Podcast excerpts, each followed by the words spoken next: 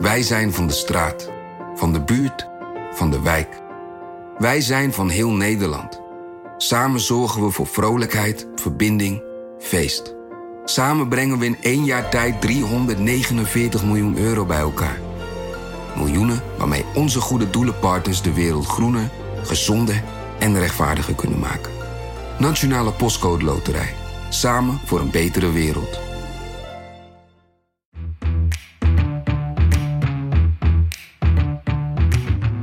Dit is Haagse Zaken. Mijn naam is Lemia Aharwar. Dat duurzaamheid, dat is vooralsnog een speeltje voor de rijken. Die is eigenlijk een soort supertechnocraat. Die kolencentrales, het initiatief daarvoor is nog maar tien jaar geleden genomen. Als ze niet groener worden dan ze nu zijn, dan stapt elke willekeurige maatschappelijke organisatie naar de rechter.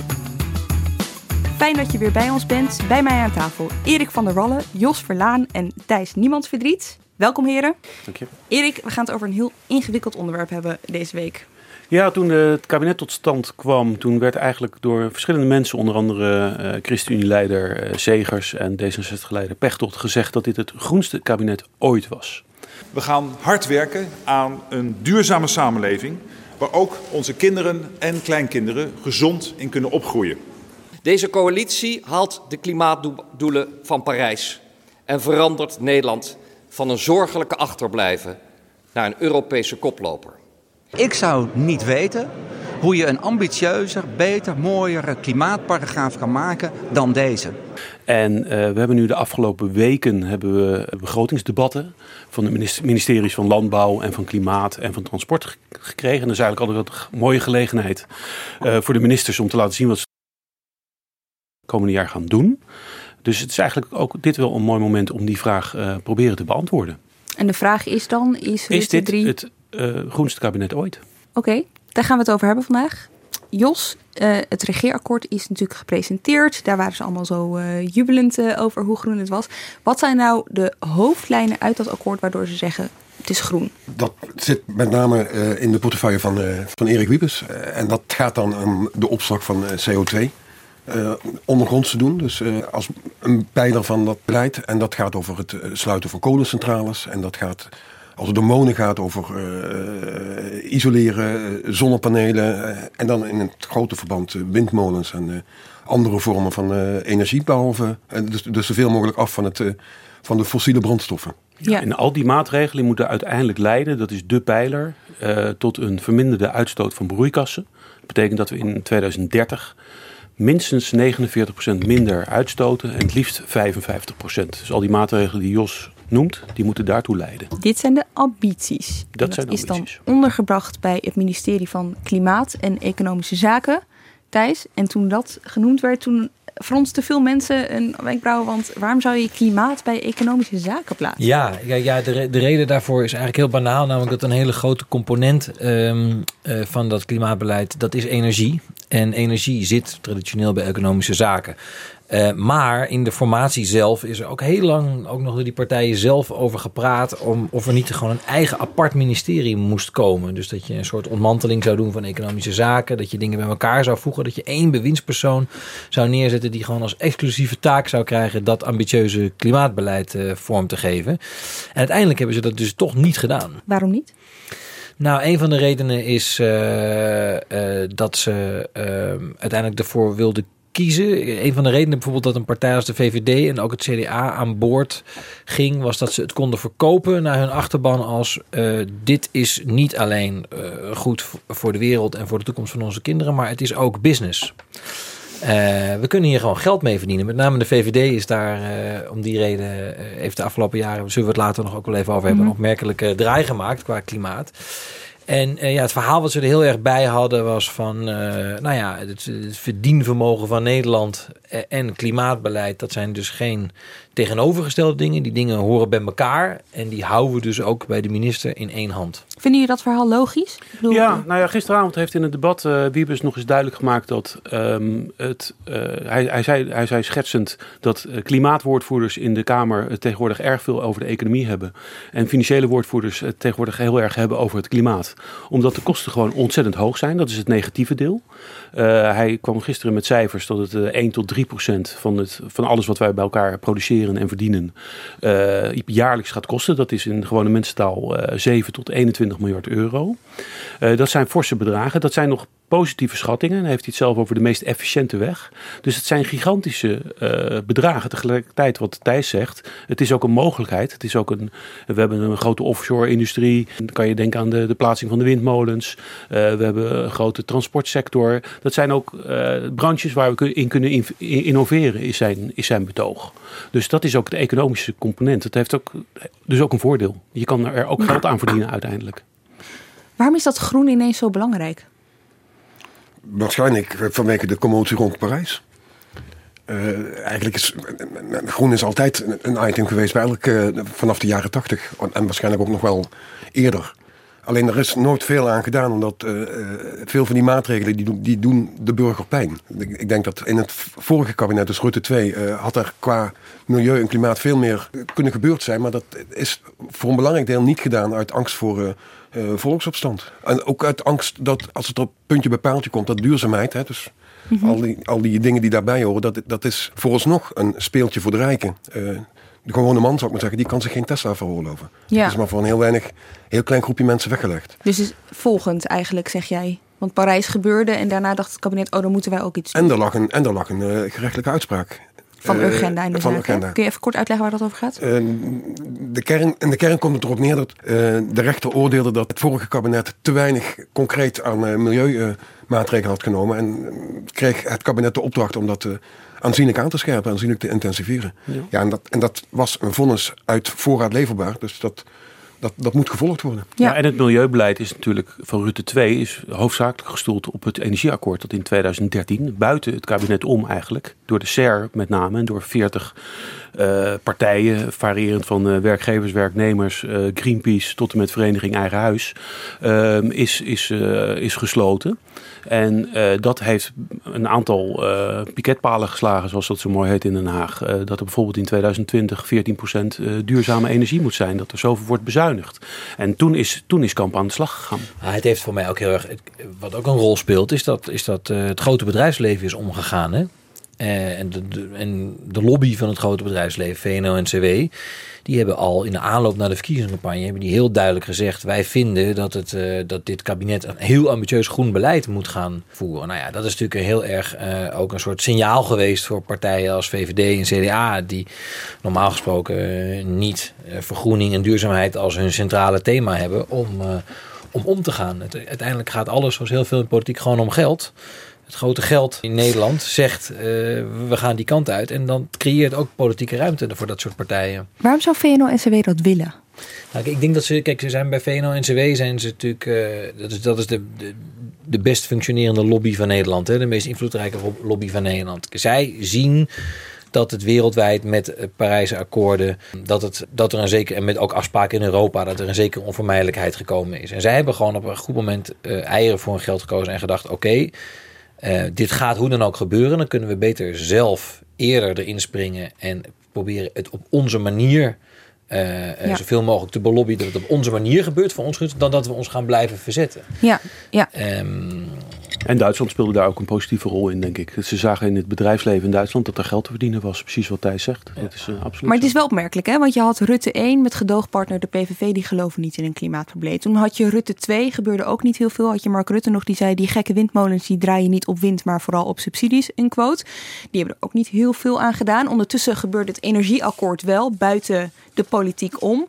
En nu pas als allerlaatste zegt de, zegt de politiek dus: wij, wij hebben het groenste akkoord. Nee, dat zei de. VVD in, eh, in Rutte 2 ook al, bij herhaling. Ja. Nooit eerder zoveel aan milieu en klimaat gedaan als eh, onder minister Kamp. En de credits moeten daarvoor toch echt wel gaan ook naar Diederik Samson eh, van de Partij van de Arbeid. Die heeft echt eh, de VVD gedwongen in het regeerakkoord eh, van Rutte 2 om tot een aantal vrij ingrijpende eh, maatregelen al. Ehm, Wat Eh, bijvoorbeeld? met name wat, wat heel belangrijk is geweest, is wat er gebeurd is met eh, offshore windenergie. Hè? De grote windmolenparken op zee. Daar heeft dat kabinet ongelooflijk veel geld in geïnvesteerd. Eh, dat was echt zonder de Partij van de Arbeid, zonder Samson was dat nooit in dat regeerakkoord eh, gekomen. En, en wat daar gebeurde was heel interessant. Daar had je Henk Kamp, die toch echt een soort, eh, nou ja, dus de stereotype rechtse VVD'er is. En die heeft daar als minister van Economische Zaken eh, heel loyaal uitvoering gegeven aan dat beleid. En wat er gebeurde is dat, eh, ingewikkeld verhaal, maar die, die windmolenparken werden aanbesteed. En dat ging eigenlijk verrassend goed. Dat ging dus, daar wisten, daar dongen partijen naar mee. En daar werd uiteindelijk, dat ging voor een veel lagere prijs weg dan iedereen had voorzien van tevoren. En dat was een mooi, daar had Kamp zijn VVD-verhaal klaar. Die kon zeggen, kijk eens, hier zien we dus een prachtige, hier zien we ook dat de tucht van de markt, hè, dat eh, de, eh, de, de marktwerking zijn werk doet. En we kunnen hier gewoon eh, deze windmolenparken aanleggen voor heel veel minder geld dan we dachten. En daarmee was eigenlijk het VVD-verhaal geboren. En eigenlijk de, de, daarmee kon de VVD de U-bocht nemen van windmolens draaien op subsidie naar... Kijk eens, ook windmolens zijn... eh een, Kun je geld een- aan eh, verdienen. daar kan je geld mee verdienen. Ja. Best om cynisch van te worden.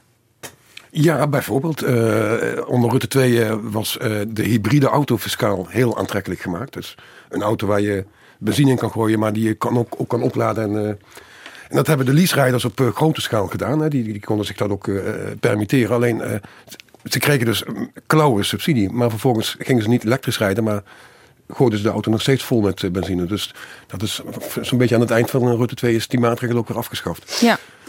Dan heb je, we hebben het net al eventjes gehad over, die energie, over, over dat energieakkoord. Dat is er aan de ene kant. En nu heeft het kabinet gezegd: oké, wij gaan een nationaal klimaat- en energieakkoord eh, laten maken. Er zijn nu al werkgroepen bezig die daarover nadenken.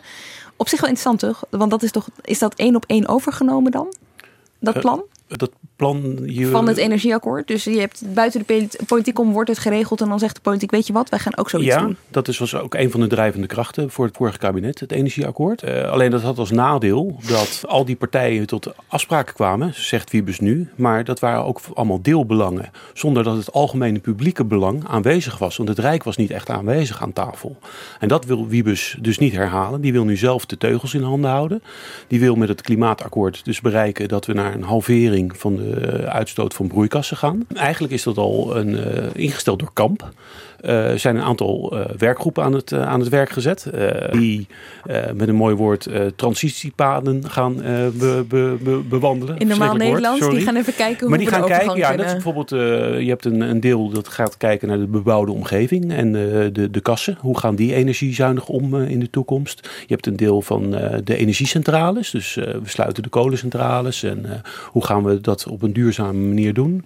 Eh, en een ander deel is gewoon de industrie en eh, de veeteelt en de mobiliteit, transportsector. Dat zijn de vijf eh, groepen die nu al aan de slag zijn geweest, maar nu nog verder gaan. En daar komt heel duidelijk sturing van, van, van het Rijk uit. Die, gaat, die houdt gewoon de boel in de gaten in hoeverre er eh, goede en efficiënte, dat is het toverwoord voor Wiebes op dit moment, efficiënte maatregelen worden, eh, worden getroffen.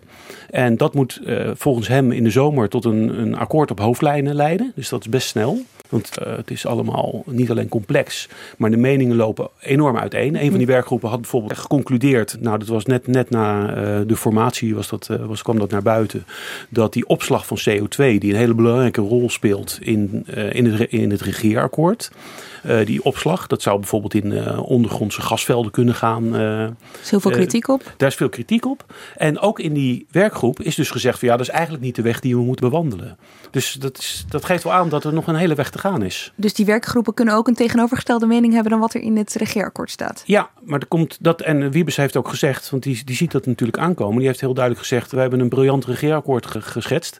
Maar als mensen met nog meer briljante Mhm. ideeën komen, dan is, het, dan is het die 49% als die halvering van die uitstoot van broeikassen maar overeind blijft. Ja. Want dat hebben we ook, daar hebben we ook in Parijs voor getekend met eh 194 andere landen. Dus dat, dat staat als een paal bovenaan. Ik denk ook dat het best wel spannend kan gaan worden. Omdat ik ken eh, Wiebes, ik ken hem niet persoonlijk, maar ik ken hem wel als wethouder in Amsterdam. Heb ik hem meegemaakt. Hij heeft, eh, Rutte 2 was hij ook eh vertegenwoordigd. Het is een hele eigenzinnige man.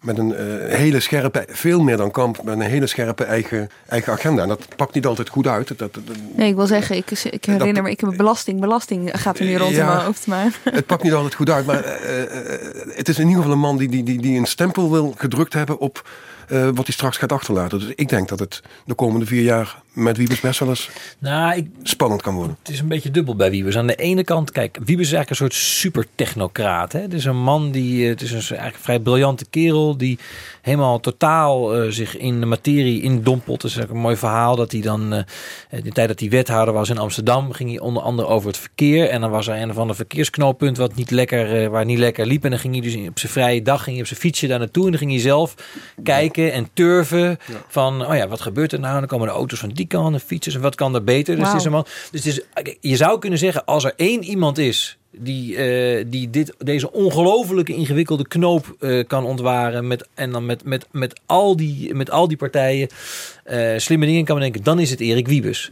Aan de andere kant is ja, wat hij heeft laten zien als staatssecretaris in de vorige periode hier in Den Haag. Was, nou ja, om het maar beleefd te zeggen, verre van indrukwekkend. Daar heeft hij toch de, de, de problemen bij de Belastingdienst niet verholpen. En ze zijn eigenlijk erger geworden.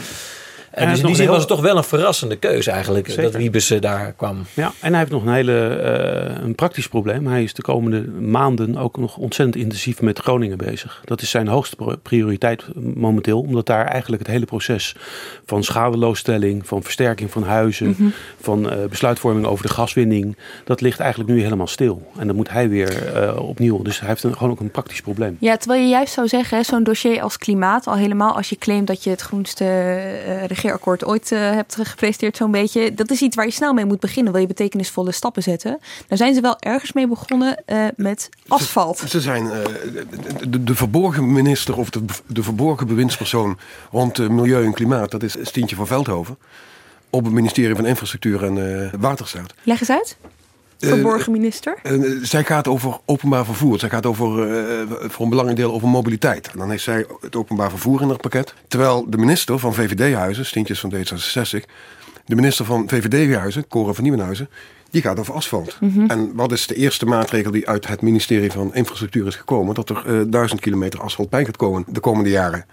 Er is 2 miljard extra door het kabinet uitgetrokken voor eh, mobiliteit en infrastructuur. En dik de helft van dat geld is inmiddels al op. Dat heeft eh, de minister al eh, gereserveerd voor asfalt. En ja, als je duizend kilometer asfalt gaat aanleggen, dan kun je op je vingers natellen dat, dat het milieu daar niet beter van wordt. En het Nee. klimaat dus ook niet. Zo was ook te horen in de Kamer hè, tijdens de Ja, discussie hierover. Ja, zij heeft ook, zij heeft ook Schiphol in haar portefeuille, dus de minister van VVD-huizen.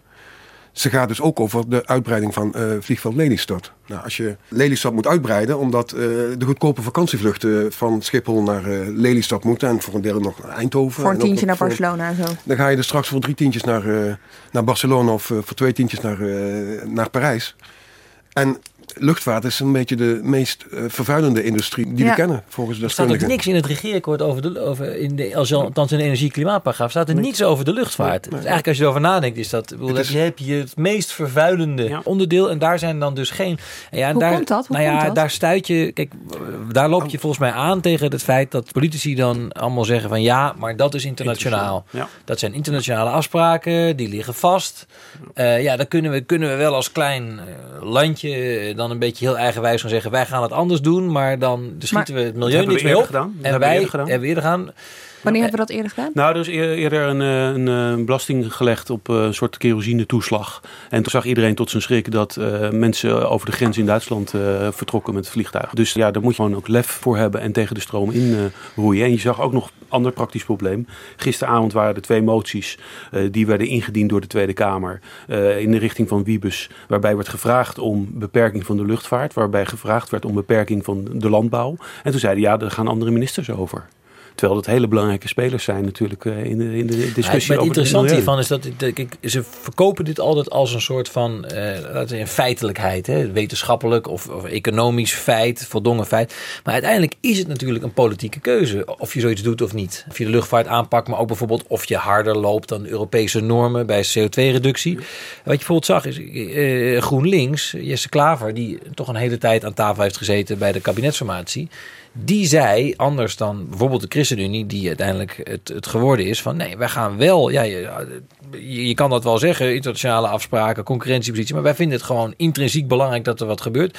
We gaan wel ver, verregaandere maatregelen nemen. Dus hij maakt een, dit kabinet maakt een andere keuze dan GroenLinks. En toch, je ziet het een ontzettende neiging om alles wat naar klimaat riekt, om dat soort te depolitiseren en te doen alsof het een soort bestuurlijk technisch iets is wat je met elkaar moet oplossen en dan komt alles goed.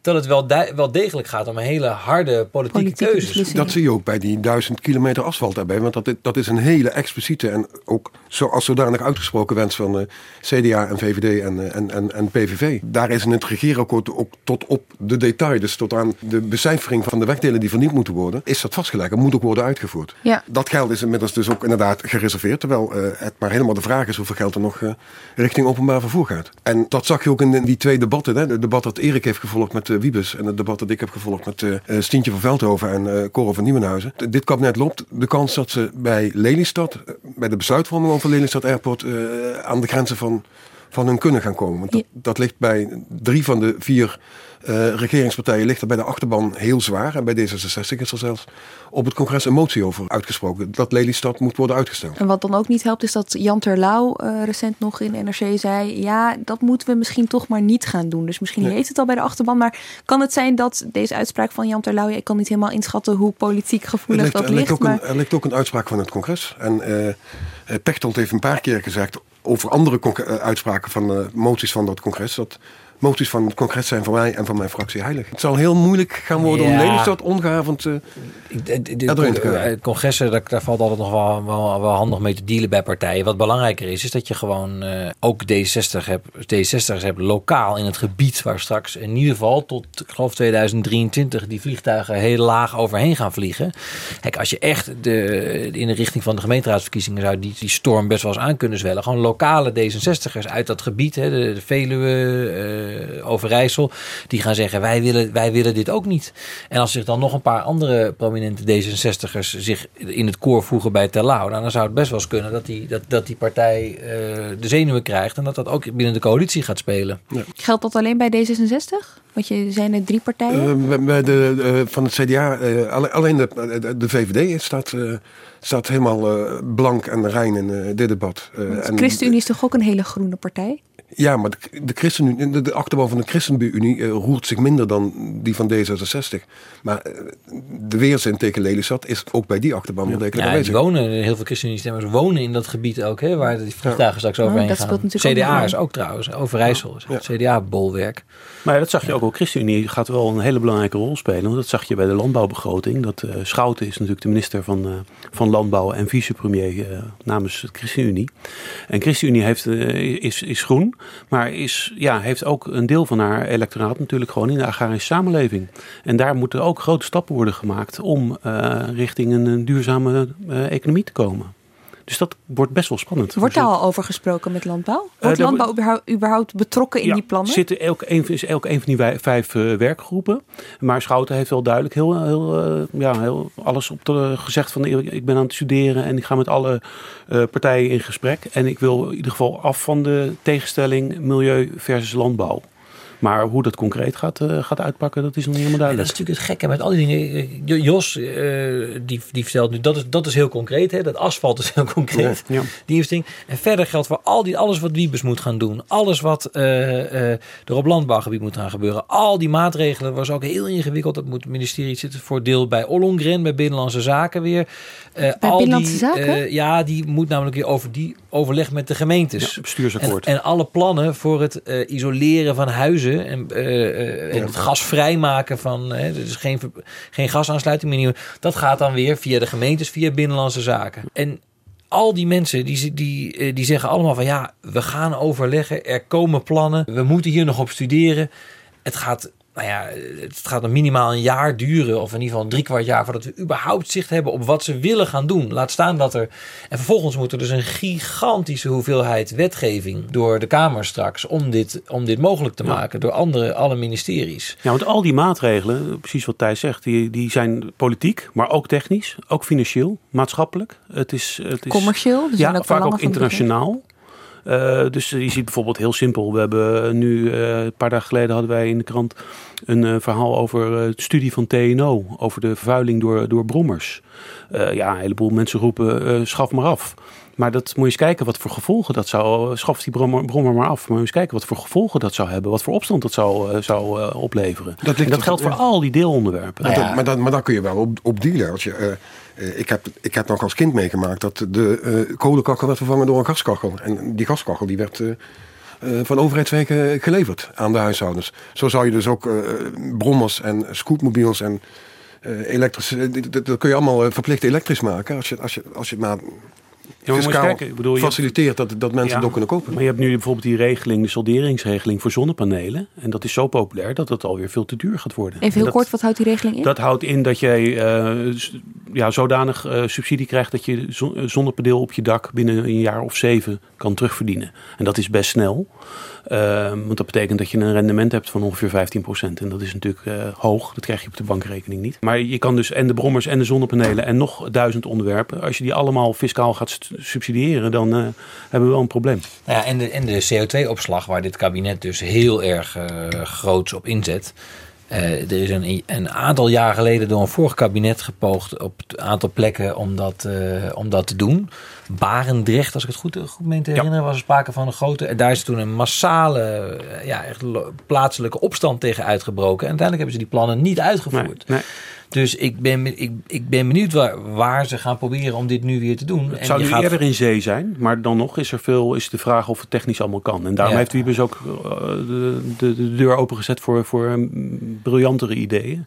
Dus eh, dat, eh, dat is nog even de vraag of het zo massaal Nou ja, wordt en, wat ook voor kritiek is die een partij als GroenLinks bijvoorbeeld heeft op, op die plannen. Die zeggen van ja, die CO2-opslag, dat ga je voor een groot deel vergoed worden vanuit subsidieregelingen voor eh, duurzame energie. Dus je gaat dan eh, een probleem van de industrie, namelijk dat die zoveel CO2 eh, proberen, eh, produceren, ga je dus laten betalen uit su- subsidieregeling die zou zijn voor zonnepanelen. panelen. Terwijl zij altijd zijn Laat van de die- vervuiler laat die, laat die vervuiler zelf betalen. Ja. Dus, Al heeft ehm, Wiebes wel gezegd dat die, die SDE-regeling, dat is die Ja. regeling die eh, voor de zonnepanelen, dat die niet gebruikt kan worden voor CO2. Maar dat kan natuurlijk best zijn in de praktijk dat je uiteindelijk gelijk hebt dat die SDE-regeling wat minder groot wordt. En dat Ja. de rest van het geld eh, voor CO2-opslag Ja. eh, gebruikt gaat worden. Ja, en- en die, zo- de zonnepanelen voor de, de grootste van Nederland, dat zijn de woningcorporaties. Die, die hebben het geld in het gras om eh, zonnepanelen eh, bij hun eh, huurders aan te brengen. Of dubbele beglazing of anderszins isolatie. Wat ik nog wel interessant vind in deze context is bedrijven die zitten natuurlijk in die werkgroepen. Die zijn zelf ook begonnen met dat energieakkoord. Die hebben heel veel belang bij dat zij zoveel mogelijk invloed uitoefenen natuurlijk op het beleid dat er uiteindelijk ligt.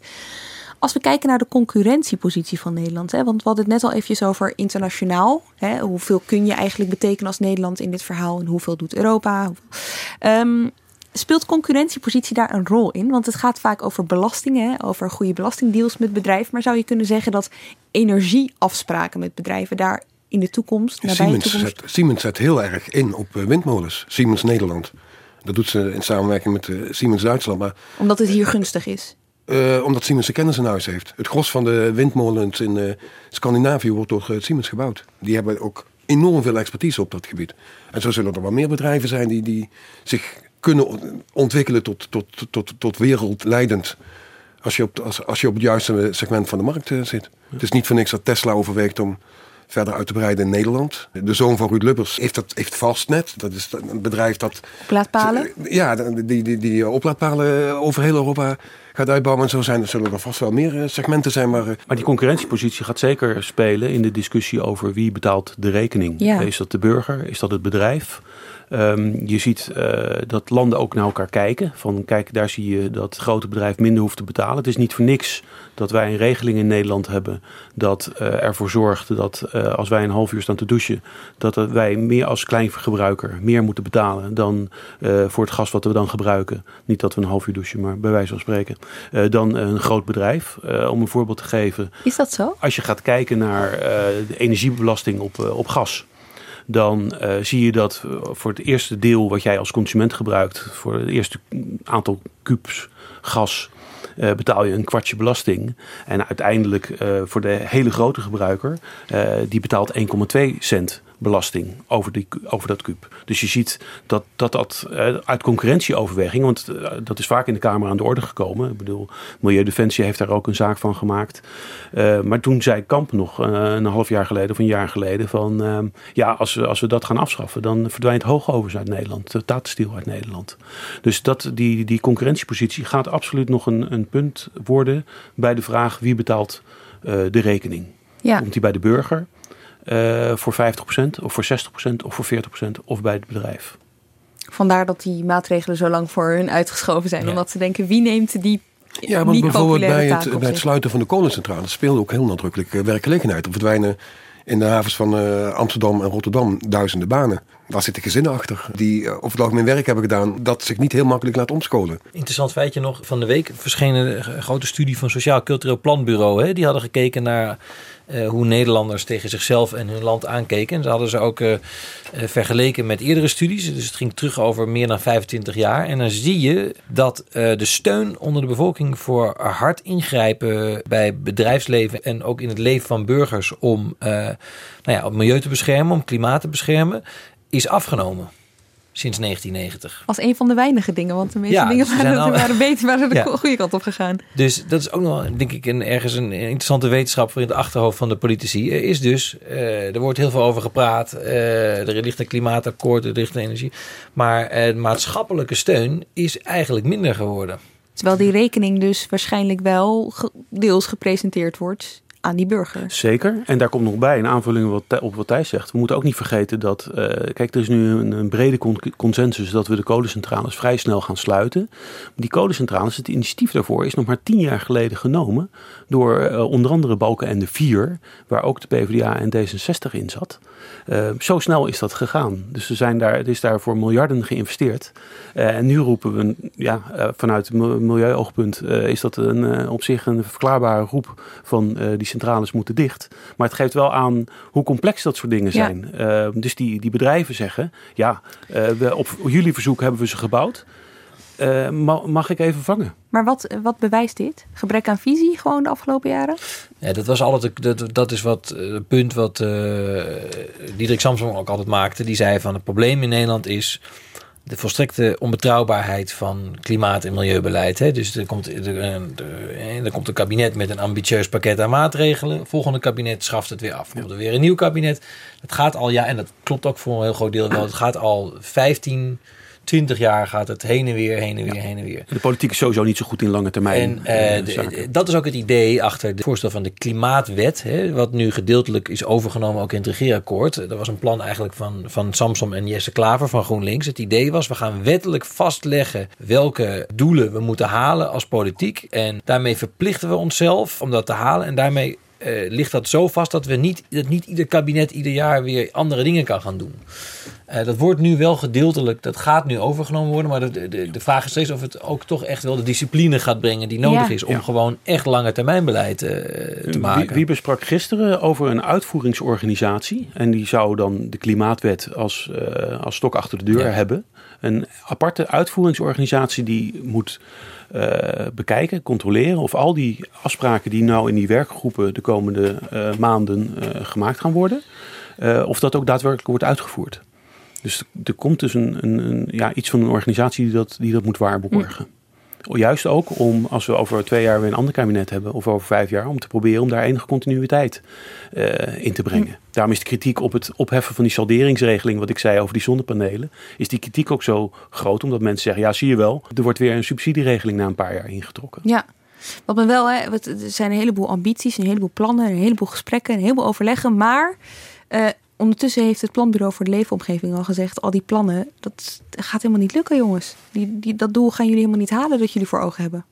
Ja, nou, ze hebben gezegd wat er nu in het regeerakkoord staat. eh, daarmee kom je zeg maar halverwege het doel in 2030. Dus het voordeel is dat we nog 12 jaar hebben. En het kabinet heeft nog, als het eh de einde van de rit eh, haalt, vier jaar om met nieuwe plannen te komen. En juist die, dat klimaatakkoord wat er dan volgend jaar gesloten moet worden, dat zou uiteindelijk wel voldoende moeten zijn. Dat is dat laatste Ja. zitje. Het is, ook, het is ook heel ingewikkeld, want Nederland is een beetje het jutland van, eh, van Europa. Eh, de luchtvervuiling in, eh, bijvoorbeeld in Maastricht komt voor een goed deel uit eh, België en uit het Roergebied. Dus als je daar, als je, als je in, in, in dat, in die grensregio's, en dat is het gros van Nederland, eh, als je in de grensregio's eh, je milieu wil beschermen, dan moet, dan moet je afspraken. Dan moet je zien dat je gelijke tred houdt met, met je buurlanden. Anders dan- dan is het roeien tegen, het, tegen de stroom in. Ja. Laatste vraag. Conclusie eigenlijk. Is dit nou ook het groenste kabinet ooit of niet? Ehm, Of misschien wordt het. Nou ja, kijk, kabinet? een kabinet wordt normaal altijd eh, na 100 dagen voor de eerste keer beoordeeld. Ehm, wij zitten nu halverwege die 100 dagen, dus het is nog misschien een beetje vroeg. Maar ik denk dat de kans wel groot is dat het gro- groenste kabinet wordt. Waarom? Ondanks alle investeringen waar Jos het eh, er straks terecht over had. De lat ligt natuurlijk niet zo heel erg hoog. Eh, de voorgaande kabinetten, eh, je noemde zelf al Rutte 1. eh, Rutte 2 is dan met name door eh, Samson en door het energieakkoord. eh, hij, hij heeft veel geïnvesteerd in windmolens en zo, dat is absoluut zo. Maar ehm, ja, we doen het nog steeds redelijk slecht. Toen Wiebe Draaier de SER-besprekingen leidde, heeft hij letterlijk gezegd, en Wiebe Draaier is, eh, behalve SER-voorzitter, is hij nu eh, de baas van de Rabobank, een zeer genuanceerd man. En die zei, we moeten ons kapot schamen als land. Ehm, dus in die zin ligt de lat laag. Dus dat is eigenlijk een beetje ehm, eh, voor mij het argument om te denken, nou, zou best wel eens het groenste Het kabinet groenste ooit, maar niet per se En er zit, nog iets, zijn. er zit nog iets bij en dat is nieuw. Eh, maar als, als ze niet groener worden dan ze nu zijn, dan stapt elke willekeurige maatschappelijke organisatie naar de rechter. En dan wordt dat gewoon niet via de Tweede Kamer, maar via de rechter afgedwongen. Ik zou zeggen, in potentie wel. Ziet het er allemaal heel mooi uit in het regeerakkoord, maar we weten het niet. Eh, we, weten, we, we kunnen het nu gewoon niet zeggen. Het zal, het zal echt moeten gaan blijken. eh, Maar op in basis komende van de plannen. Op basis van de plannen ziet het, er, ziet het er echt heel mooi uit. Maar goed, als er één ding blijkt in de politiek, en zeker met zoiets ingewikkeld als klimaat blijkt, is wel dat eh, de plannen maken is één. En ze vervolgens ook succesvol ten uitvoer brengen is twee. En ja, je, je voelt aan alles dat het toch wel ook wel heel ingewikkeld zou kunnen worden. Het zit namelijk nu ook nog economisch mee. Maar wat als we nou over volgend jaar of over twee jaar weer economische crisis krijgen? En dan al die pijnlijke eh, miljarden eh, maatregelen gaan nemen. Nou, met een vierpartijencoalitie met 76 zetels. Met burgers die dus blijkbaar helemaal geen zin Ja, hebben in die Ja, veranderingen. ja, precies. Wiebes maakt zich niet voor niks zoveel zorgen over de draagkracht. Die heeft het zelf over driekwart van de mensen. eh, die, die dus, eh, waar, waar moet je echt oppassen dat je ze financieel niet te hard gaat straffen. Want Hm. anders krijg je ze niet mee. Dank jullie wel. We gaan het merken. Over vier jaar gaan we dit, of nou ja, misschien eerder, gaan we dit gesprek gewoon nog een keer voeren. Dank jullie wel. Eh, Jos Verlaan, Thijs Niemands Verdriet en Erik van der Wallen. En ook dank voor het luisteren thuis. Als je, of als je in een elektrische auto zit, of op je elektrische fiets, of je bent met de trein. Op je ook heel snorfiets. verantwoord. Ik denk snorfiets. En ik zeg eh, tot volgende week.